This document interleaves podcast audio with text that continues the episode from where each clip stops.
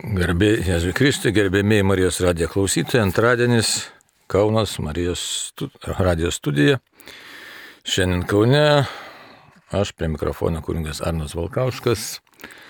Aš prie Dievę, tau garbė ir šlovė dabar ir per amžius te būna visame kame, ar mes valgome, ar geriame, ar šiaip ką daro mano tą paštlo Pauliaus, kad visame kame nuskambėtų tavo garbė ir šlovė. Taigi ir šitą Laiką skirtą laidai Marijos radijoje skiriame pirmiausia tavo garbę ir šlovę, tikėjimo turinio pagilinimui, pažinimui ir kad atrastume savo kelią su tavimi, per tave, tavyje ir turėtume tavyje gyvenimo pilnatvę. Taigi apšvies mūsų protus, širdis, pakelk dvasios žvilgsnį į save, gyvą į Dievą, kad tavyje būtų mūsų džiaugsmas, ramybė ir gyvenimas. To prašome dangiškasis tėvė per Kristų šventoje dvasioje. Amen. Taigi, pakalbėkim šiandien apie žmogaus atsaką Dievui. Matom, kad pasauliu dabar dedas tokių sudėtingų, skausmingų daug dalykų, reiškinių. Na, ne tik, kad karas Ukrainai, kuris mus jau antri metai sukrečia, krečia ir kažkiek ir pripratom, ir apsipratom, ir ir, ir nusivylimai, ir nuliūdimai, ir, ir pabaigos nesimato, net tam tikra įtampa. Na, matom, kas čia dabar, ne, dabar šitas karas jau Izraelyje, kalbam apie pasaulinį karą, ir faktiškai gal net ir vyksta daug kas sako, politologai, dar žemės drebėjimas Afganistane, žodžiu, visokių tokių sukretimų, kurie nesuteikia ramybės. Ir matom visokio taip pat girdim įvairiausių pasvarstymų. Vieni žmonės svarsto grinai žmogiškai, kad štai čia tiesiog susitvarkysim, čia taip toliau. Na, kas giliau žiūri, tai kalba apie dvasinius dalykus, kiti tos dvasinius dalykus kažkaip savaip interpretuoja, taigi kalbam vėl tokie visokiausi, gali būti visokių ir samokslo, ir nesamokslo teorijų, na, bet bet kokiu atveju pasaulyje yra neramu. Na ir tas neramumas neduoda mums tokio, tokios galimybės tiesiog nurimti ir pažvelgti į viską ramiai, su džiaugsmu, su dėkingumu Dievui. Tai ką reikėtų mums padaryti, nežvelgti vis dėlto reikia į Dievą. Dievo e, kalbėjimas šventajame rašte, mes jeigu skaitysim Seną testamentą, aš jau nekalbu apie naująjį, bet taip pat Senąjį testamentą, tai visur tas akcentuojamas yra santykio, žmogaus ir Dievo santykio svarbumas, svarba. Taigi, ir kas yra svarbu labai, kad štai mes matom žmonės dabar šitoj, suiru, šitoj sus, suirutė arba daugelį suiručių, nes ir ekonominiai dalykai čia, ir matom ne tik tai. Daug labai godumo yra, tai kas yra godumas, ne, tai noras užsitikrinti gyvenimą, saugumą, gerbuvį, E, būtent savomis pastangomis ir žemiškų dalykų e, pagalba. Kiek tai tikra ir kiek netikra, tai žmogus kartais praregė, kartais ir visiškai nepraregė, patikė, turėdamas daug turto, kad štai jis yra dievukas ir tokiu būdu dar patenka į didesnę klaidą, į aklygatvį. Na, va, bet bet kokiu atveju e, mes norim iš tikrųjų tikro gyvenimo, suprantam to ar nesuprantam. Ir už tai žmogaus laisvė, jinai kviečia mus net ir tokiam specifiniam, sakyčiau, ne tai kad ypatingai sunkiam, bet specifiniam gyvenimo sąlygom, ieškoti tikro kelio. Nesakau tada sunkiam, kodėl, kad štai, kai pasižiūri, štai karas, ar ten Afganistane viskas subirėję, tie moliniai nameliai su, sudrė, sugriuvę visiškai, tai žmonės tikrai atsiduria baisiai sunkiose situacijose, ne tai kad baisiai sunkiose, bet sakysime tragiškose. Na, o mes tik jaučiam dvasinį svorį kol kas. Na ir Dievas mus te saugo. Dar primenu, kad ir laidos pradžioje ir pabaigoje manau, kad dar paminėsiu vieną labai svarbų dalyką - tai maldos reikšmė ir šventųjų užtarimo reikšmė. Čia viskas susiję su žmogaus atsaku Dievui, nes pažiūrėsim, kad tekizmas ką kalba apie tą žmogaus atsaką matom, kad reikia duoti atsaką visą laiką Dievui. Ir esmė ta, kad kažin ar mes žmonės pateikiam Dievui tinkamą atsaką. Ir čia galim plačiai galvoti apie viso pasaulio žmonės, galim galvoti tik tai apie save asmeniškai. Ir linksmo, ko nors tokio optimistiško nepasakysiu, kad štai mes žmonės tengiamės Dievui pateikti tinkamą atsaką. Tai dabar e, dar toks iš karto, kaip jau sakiau, toks noras pabrėžti vieną dalyką, tai kalbėjom ne kartą tą ir dar daug kartų, tikrai daug kartų norėsiu tą ir priminsiu tikrai savo pačiam ir klausytojams ir kuo daugiau norės, kad tai būtų propaguojama ir skelbiama, tai yra tėvo Pijaus žodžiai perteikti ir tiesiog pasakyti Jonui Pauliui II, kol jis dar buvo vyskupas. Ir ką Jonas Paulius II, kaip jis perdavė juos mūsų tautos atstovė Nijolė Sadūnaitė. Primenu, tėvas Pijus, šventasis tėvas Pijus, labai įdomu, ne, tėvas Pijus šventasis. Jonas e, Paulius II, tik tuo metu dar Karolis Vaityla taip pat paskelbto šventu, tai štai du šventieji, dar tuo metu nebuvo paskelbti šventaisiais jie, susitikę buvo ir e, tėvas Pijus mirė 1968 metais, tai kito laiko buvo susitikę.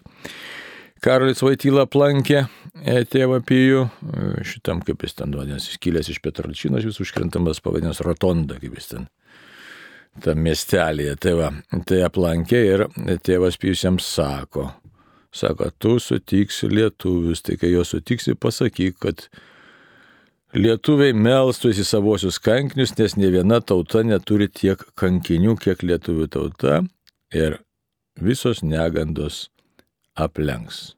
Ne tai, kad jos visiškai jų nebus, bet jos aplenks. Kuria prasme neturi tiek daug kankinių, galbūt procentaliai, nebūtinai skaičiumi, bet turim daug kankinių, tai yra šitaip reikia žiūrėti. Visi kovoja už laisvę, už tikėjimą lageriai, Sibirai, tremtis, ne tik tai šitos tarybinės, bet ir caro dar laikų tremtis. Viskas paženkina maldos ženklų, tai yra visur prisilietimas prie viešpatės Jėzaus Kristaus kryžiaus. Ir štai dabar šitas momentas mums labai tinka. Mūsų protėviai e, pateikė Dievui atsaką savo gyvenimu.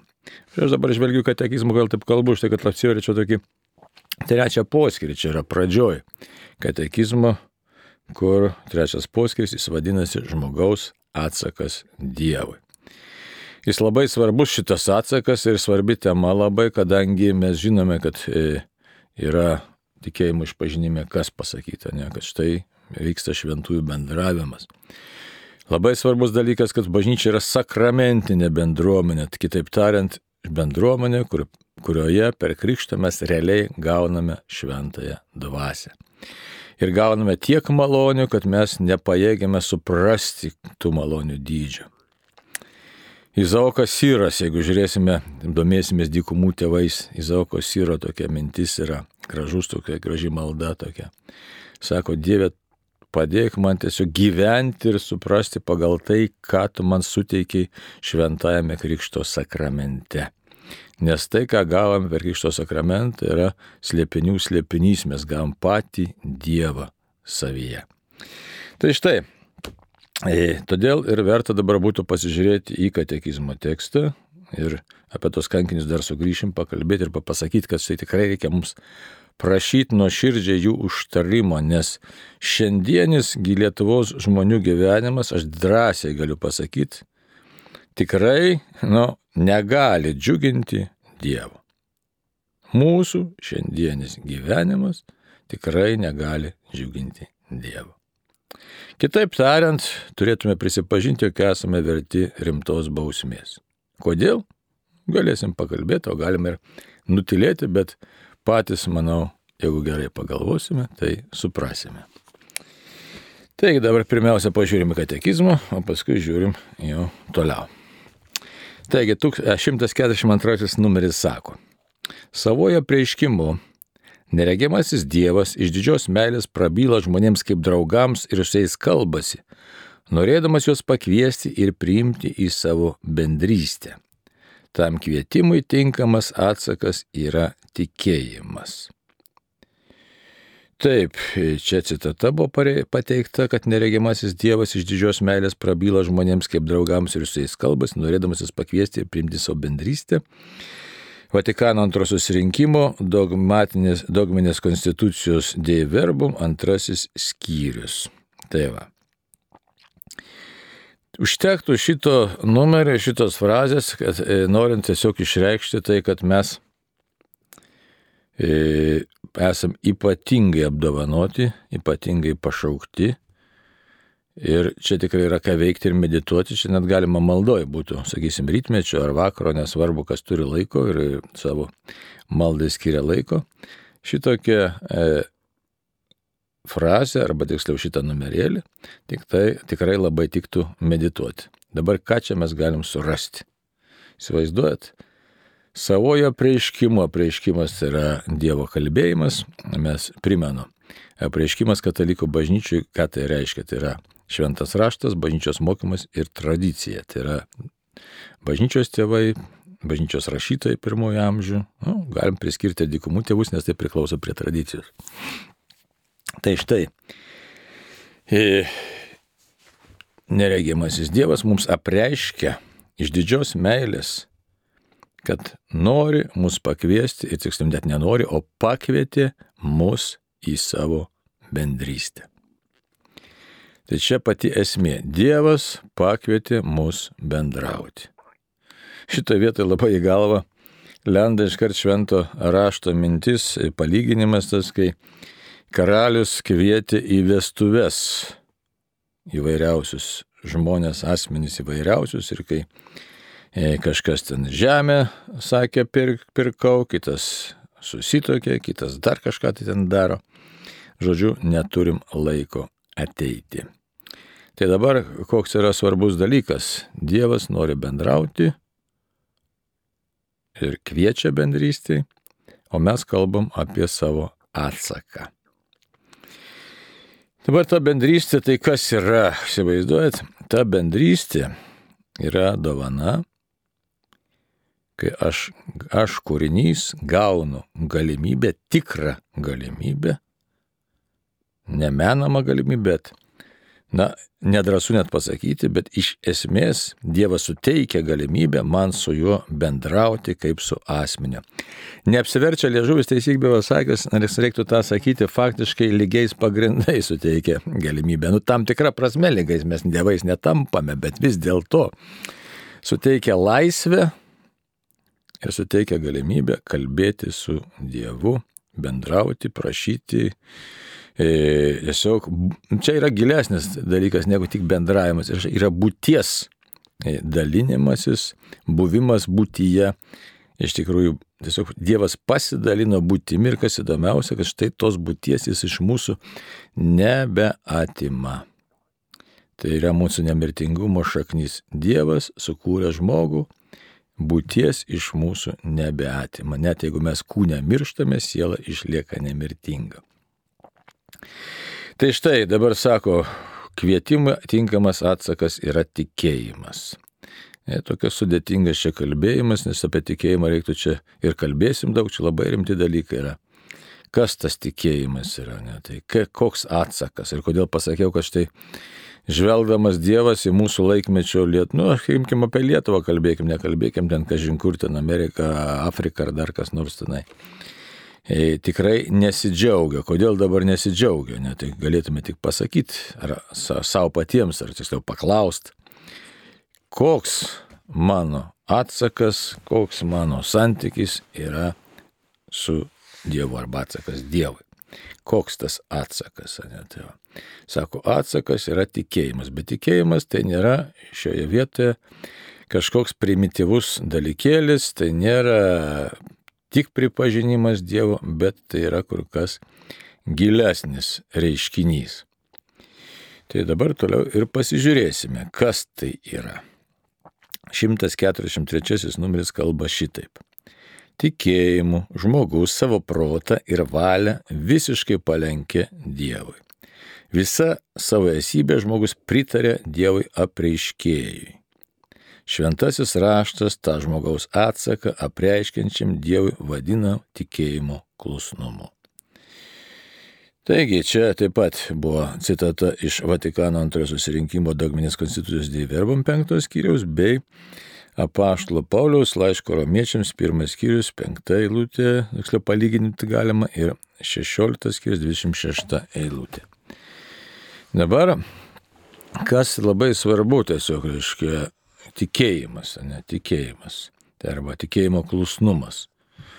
E, tai, kaip sako proto ir valios, na, galim sakyti, reiškinys, arba tiksliau tikėjimo žmogus savo protą ir valią visiškai palenkė Dievui. Toks savotiškas santykis, ne, palenkė Dievui. E, protą ir valią. Kodėl čia reikia palenkti, ar ten kažkaip kitaip, e, na, pateikti, apriboti, ar dar kažkaip, tai, ne? E, dabar, todėl, kad čia yra labai gilus dalykas, Dievas yra pati būtis, iš kurios mes gauname gyvenimą savo būti. Taip kad e, čia vėl koks yra mąstymas. Tai būtis yra gėris ar blogis. Kadangi mes visi net ir sunkiausiose aplinkybėse norime gyventi ir net tada, kai gyvenimas tampa tiesiog nepakeliamas, vis dėlto, net trokštant, sakysime, išnykti ir palisėti, nuo gyvenimo vargų, aš vis tiek žmogus teigia būti. Ir čia šią temą mes galime rasti įvairiausių dalykų, autorių pasaulietinių, sakysim, prisiminiau dabar iš karto Viktorą Franklį, ne, sakysim, savo raštuose, ką jis rašo. Net lageriuose, sunkiausiose situacijose teikti reikia. Tiek žmogaus pašaukimas yra teikti būti, teikti, ne G, teikti, teigiam būti. Kitaip tariant, prasme yra būti, būti pagal Dievo planą, nes būtis yra iš Dievo, gyvenimas yra iš Dievo. Tai čia šioje vietoje štai e, valia lenkia žmogaus, žmogaus visą apsisprendimą, visą laisvę toliau tęsti savo egzistenciją iki tam tikro taško, iki kurio norės nuvesti Dievas. Nelengvas uždavinys. Na, o protas, protas ką dabar sako? Ne, protas sako, štai yra giluminis pažinimas, pažinimas Dievo kurėjo, be kurio iš tikrųjų viskas netenka prasmės arba niekas neturi prasmės. Dar ką šventasis raštas iš tikrųjų kalba apie, e, apie tikėjimą, galėtume sakyti. Tai kalba tiesiog Čia kelis momentus galėtume pabrėžti, išryškinti, nes Senasis testamentas ypatingai pabrėžia, kad štai e, protas tiesiog turi palengti arba intelektas turi prisišlieti prie pažintosios Dievo apreištosios tiesos su labai tokiu įdomiu dalyku, tokia yra, su pasitikėjimu. Labai daug to randame to tokio turinio, kuris kalba apie štai, kad Dievas žmogui save parodo ir kviečia pasitikėti. Tai labai daug vietų mes tokių randame, labai toks nelengvos tos vietos e, Senajame testamente, sakysime, net Mozės asmenyje, žiūrėkit, kaip Dievas prikiša paskui Mozę, kad štai Mozė, e, kai tu išgavai tą vandenį, ne taip, kaip aš norėjau, kai tauta troško, išmirė iš troškulio ten maištavo. Ir viešpats sako, neįeisi pažadėtą žemę, nes neparodai mano šlovės. Tai va taip, kad šitas pasitikėjimas labai sunkus dalykas. Ar ten pranašas Izaijas, kas sako, jei netikėsite, pražūsite. Taip, kad tikėjimas yra e, pati, tiesiog pritarimas Dievo žodžiui, bet jis būtinai turi būti susijęs su pasitikėjimu. Taip, taip pat su tokiu savęs patikėjimu Dievui ir su meile. Tai toliau nesaiškia. Taip kad mes žinom tas tris dieviškas darybės, apie jas toliau ateityje duos Dievas ir kalbėsime, pradam kalbėti apie aš tikiu. Na ir e, taip, kad e, jos tiesiog viena iš kitos rutuliuojas ir viena su kita susiję. Tai vienas momentas. Dabar Naujam testamente vėl labai įdomi mes ką randame, kalbėdami aš taip, kad aš esu pašauktas tikėti labai dar griežčiau iš tikrųjų savotiškai negu Senajam testamente. Nes Senajam testamente tu negali abejoti, turi Dievą parodyti, apreikšti.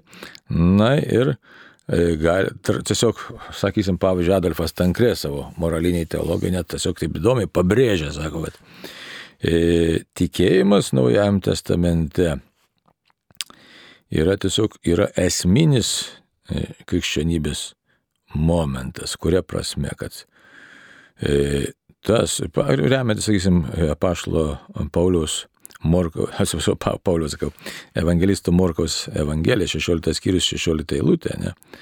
E, kas, reiškia, įtikės ir bus pakrikštytas, bus iš, išgelbėtas. Čia savai žodžiais atkartoj galima tiksliai pasižiūrėti tą, tą eilutę. E, reiškia, kas netikės, bus pasmerktas. Kitaip tariant, tikėjimas, tikėjimas Dievą, tikėjimas Jėzaus asmenį yra toks radikalus, toks svarbus dalykas, kad tai yra gyvybės ir mirties klausimas. Tai va, taip, kad įsivaizduot, ne, ne tai, kad aš tik tai tikiu ar netikiu, čia kažką tai, na, pasirenku, nepasirenku, bet tiesiog tai išsprendžia visą mano buvimą.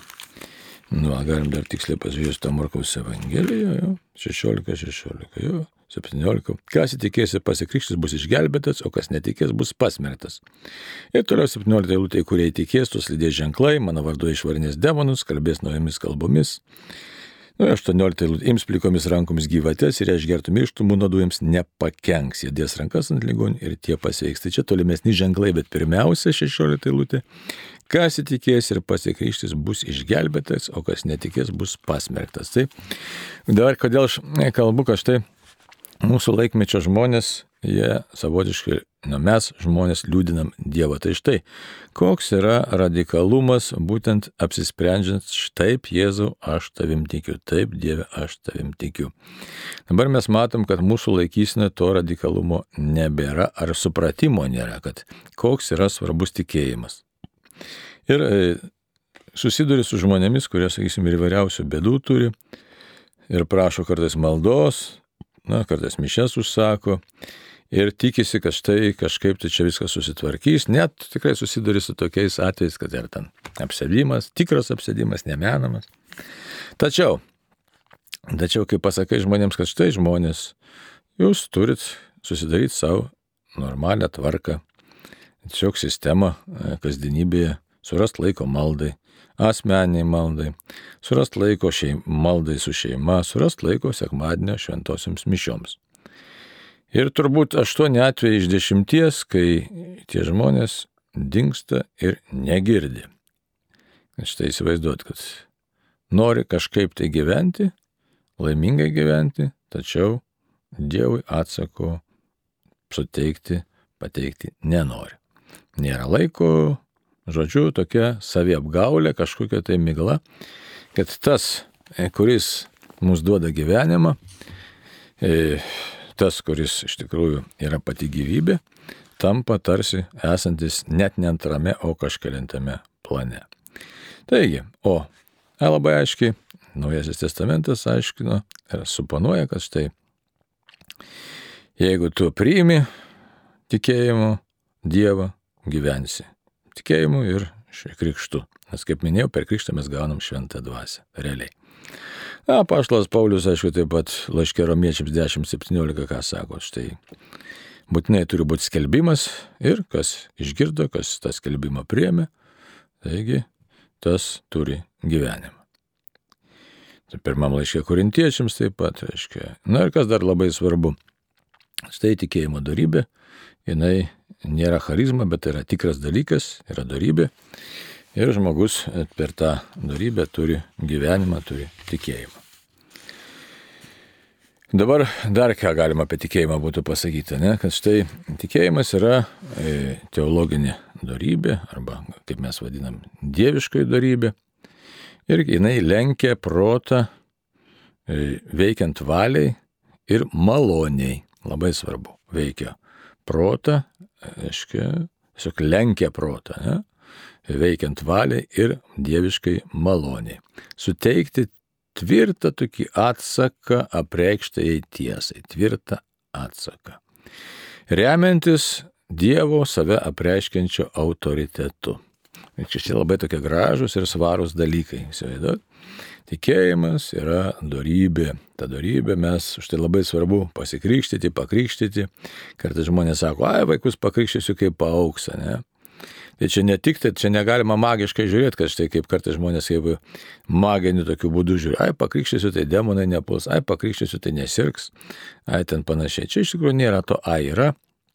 Kitas labai svarbus dalykas, kad štai gaunu malonę, realiai šventą dvasę ir tada mano protas jau linksta, linksta, jis lenkiamas yra šventosios dvasios, bet neprievartaujamas.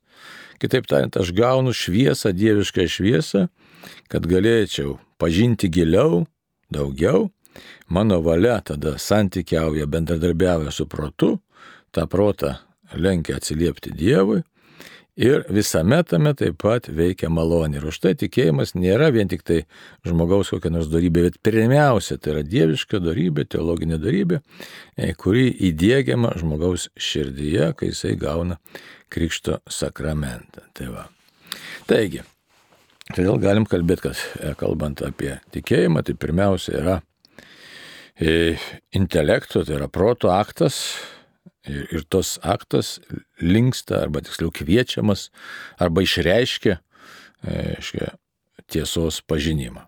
Kad žmogus pažįsta tiesą ir ta tiesa jam rūpi ir tiesiog jinai, ta tiesa dėl malonės esančios žmoguje tampa vidiniai regima, suprantama, aiški ir žmogus nori tiesiog pritarti tai tiesai, savo valia pritarti, e, nori iš tikrųjų dar giliau pažinti tą tiesą ir apsisprendžia už tą tiesą, kurią Dievas apreiškė.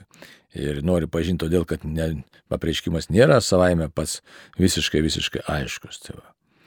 Taip kad e, antgamtinis aktas yra tikėjimas. Ne? Antgamtinis štai turi įsiterpti dieviškai malonę, jinai apšviečia protą, sustiprina valią ir e, tiesiog lenkia žmogų, e, padaro tvirtą ir galinti atsiliepti Dievui. Tačiau štai reikia labai daug tokių duomenų, dėmenų susidėti, atrodytų, kad aš čia kalbu dabar, liktai tokie dalykai, ne, E, lik ir aiškus, bet kita vertus jie visai neaiškus daugeliu žmonių. Štai kodėl svarbu. Bažnyčia krikštyje Dievo, viena trybė Dievo vardu. Žmogus gauna konkrečiai šventosios dvasios žymę savyje, gauna Dievo malonę ir tada tampa pajėgus. Šiaip kviečiamas kiekvienas yra žmogus atsak, Dievo, Dievo atsiliepti, bet pajėgus rimtai atsiliepti, e, pajėgus tampa e, pakrikštytasis, nes jame veikia malonė ir įgalina atlikti jau ant gamtinį aktą. Tai ne tik paprastą intelektinį aktą, bet ant gamtinis aktas, nes e, priimu ap, ne bet kokią tiesą, bet apreikštą tiesą. Čia visai skirtumas yra paštalas Paulius, ką sako. Ir pagonis, aiškiai, iš e, visų sukurtųjų dalykų gali suprasti ir supranta, kad Dievas yra. Bet rimtai atsiliepti Dievui galima e, tik tai veikiant maloniai, veikiant šventai dvasiai, veikiant pačiam Dievui, nes Dievas apšviečia intelektą, apšviečia protą, e, sustiprina valią ir tikėjimas tampa laisvas aktas, bet ne tik laisvas aktas, aš pasirenku, ne, mano valia linksta Dievė tau atsiliepti. E, taip pat tampa antgamtinis aktas, tai yra aktas, kai aš ne tik, kad apsisprendžiu kaip koks filosofas pripažinti, kad, nu, yra Dievas, bet tai tampa antgamtinis aktas, e, kuris mane nukelia tiesiog į santykių su Dievu. Ir tuo pačiu dar kaip įdomiai teologai vardina, kad tai yra nuopelningas aktas. Dabar kodėl nuopelningas? Todėl, kad tai yra procesas ir tam procese man e, tiesiog būnant, vykstant tam tikėjimo procesui, aš turiu tiesiog apsispręsti Nes ką valia veikia? Reikia įveikti tam tikrus ir sunkumus. Ir tie sunkumai nėra tokie paprasti, nes, kaip jau minėta, tikėjimas visą laiką susijęs su pasitikėjimu, o pasitikėti Dievu, mes žinom iš praktikos, nėra taip paprasta, kartais pasitikė, kartais nepasitikė. Žiūrint, kokią situaciją ir kokiam, kokiam dvasiniam stovė būni, žodžiu, vyksta labai rimtas procesas. Taigi, toliau. kas yra materialus tiesiog objektas tikėjimo. Tikėjimo materialusis objektas yra apreikštosios tiesos. Ką tai reiškia materialus, tai turinys. Ne, ne? Galėtume šitaip paprastai gal net pasakyti, labai didelės klaidus čia nepadarysim. Tai yra tos tiesos, kurias daugiau mažiau galime pažinti ir pažįstam jas kažkiek protu, bet iš esmės labiausiai pažįstame tas tiesas iš tikrųjų tikėjimu. Tai yra apsisprendžiam tikėti to, kas yra apreikšta ir nors kartais tų tikėjimo gelmių mes ir negalime pasiekti savo protu. Tai yra, sakysim, visos tos tiesos, aiškia, jos sukasi, arba kaip sakyti, centras jų yra tai, kad yra Dievas, yra Jėzus Kristus, kad Dievas yra vienas, trijose asmenyse, e, tas vienas Dievas, kaip sakiau, trijose asmenyse, kad štai yra Jėzuje Kristuje vienam asmenį dvi prigimtis, nu, žodžiu, tokie labai rimti dalykai kurie nėra šiaip jo protų visiškai peržvelgiami, tačiau jos apsisprendžia protas valiai veikiant e, priimti kaip apreikštuosius dalykus ir kaip teisingus. Tai va. Na, už tai dar pasižiūrėkime į, ir čia yra katekizme 144 numeris, čia vadinasi skirelis aš tikiu ir vadinasi tikėjimo klusnumas. Tai jau kai pradėjom kalbėti, tai tas tikėjimo klusnumas būtent ir vyksta tada, kai a, valiai veikiant, o protas apšviestas ant gamtinės malonės, taigi įvyksta tas ant gamtinis aktas, tai kalba katekizmas šitaip paklusti, reiškia, latiniškai yra ob audyrė. Tikėjime. Paklusti tikėjime reiškia laisvai pritarti išgirst, išgirstam žodžiui, nes jo tiesą laidoja Dievas, pati tiesa. Šventajame rašte kaip tokio klusnumo pavyzdys mums pateikiamas Abraomas. Tobuliausiai pakluso mergelė Marija. Taigi čia, kaip jau minėjau, iškart susiduria dviejų testamentų personažai. Tai atsiranda tiksliau kaip pavyzdys. Taigi Abraomas, visų tikinčiųjų protėvis, Senasis testamentas, Naujasis testamentas, ne, tai yra mergelė Marija.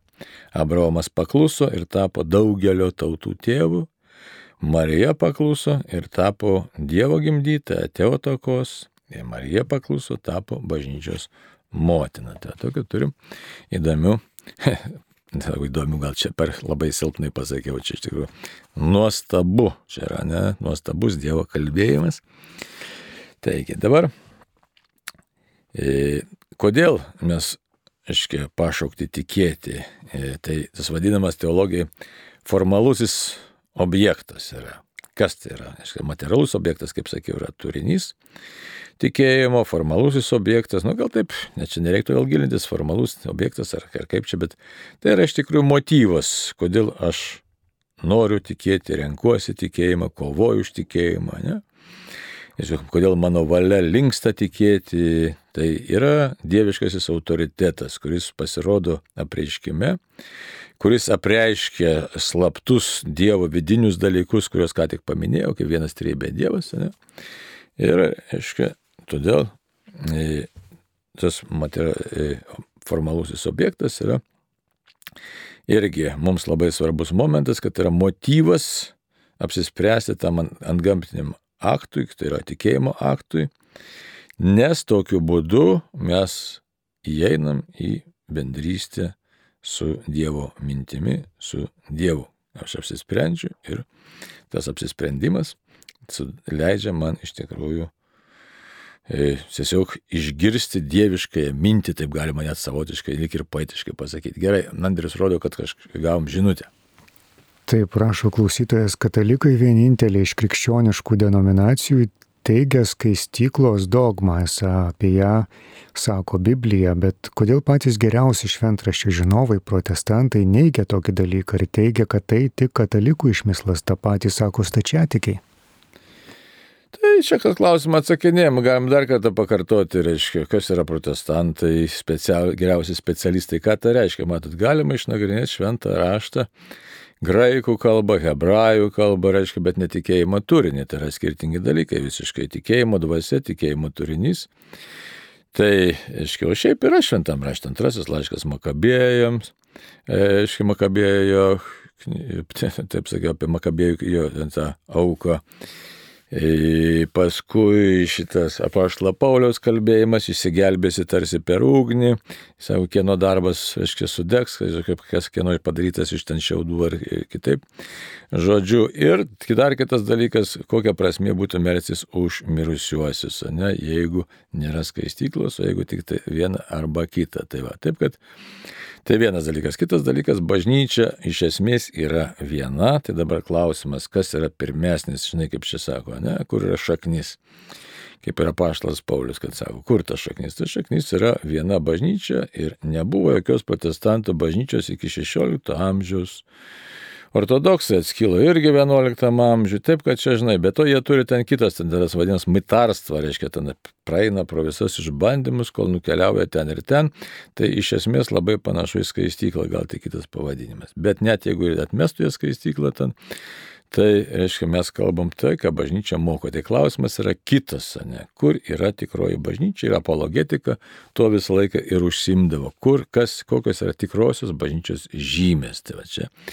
Todėl pasakyti denominacijas, čia visi lygus ir taip toliau, taip kaip savo laiku popiežius Benediktas XVI sakė, tikrasis ekumenizmas yra labai paprastas suprasti, kas yra tikroji bažnyčia ir kvietimas visus sugrįžti į tikrąją bažnyčią. Patinka kam tai ar nepatinka, nu čia visko tam. Ne, yra kaip yra. Dar žinutė yra, ne? Mm, taip, dar klausimas iš kelių aspektų, kokie yra skaistus lytiniai santykiai santokoje. Esu santokoje, kartai susižaviu kitomis moterimis, puoselėjų netyras mintis su jomis. Ar tai tokio pačio ligmens nuodėmė kaip paleistuvavimas? Tai čia keli klausimai, dabar žiūriu, minutės čia liko dvi, tai mes nespėsim atsakyti, bet žinai, čia keli klausimai, aiškiai, kai kas paleistuvingai žvelgia į moterį, tas nusideda širdį, nes mintims taikomi lygiai tie patys kriterijai, kaip ir realiems aktams. Tai jeigu ten žiūri moterį, įsivaizduoja, kad jau čia jie su juo paleistuvavo, tai nusidedi sunkiai, nes materija tai sunkiai yra. Ir viskas, aišku, nebent pažinimo, supratimo nėra, o santokoje skaistumas tai yra kitas dalykas visiškai. Tai yra ir tinkami lytiniai santykiai, ir supratimas santokos tikslo, ir gerbimas vienas kito. Žodžiu, tai nėra, kad nebūtų lytinių santykių. Ne, jie tai yra Dievo santykiai, yra norėti, bet kaip juos juos traktuoju, kaip aš traktuoju save ir kaip traktuoju kitą asmenį. Tai va taip pat čia jau kita šiek tiek teologija. Tai, va. tai tiek, kas liko vieną minutę. Tai, brangiai, dar noriu grįžti tada, kuo pradėjom daug maž, kad štai tikėti, labai verta kalbėti, atsiliepti iš tikrųjų atsaką pateikti Dievui yra labai rimtas dalykas. Šiandien mes silpnai Lietuvai pateikėm tą atsaką, jau labai silpnai, nes norim kažkokio tai gražaus gyvenimo, bet gyvenimą pagal Dievą dauguma mūsų kažkaip vengia. Todėl laikas susimastyti, žvelgiant į pasaulio kataklizmas, melsis patiems ir prisimnant tėvo Pijaus pranašystę Jonai Poliu II, prašyti Lietuvos kankinių užtarimo. Ir kas kaip moka visomis maldomis, bet prašyti, melstis, kad neišsitiktų mums kas nors blogesnio. Kaip kad pasaulyje vyksta. Taigi tai laimina Dievas, tam kartu tiek. Prie mikrofono aš buvau Karnugas Arnas Valkauskas, klaidoje Katalikų bažnyčios katekizmo komentaras. Sudė.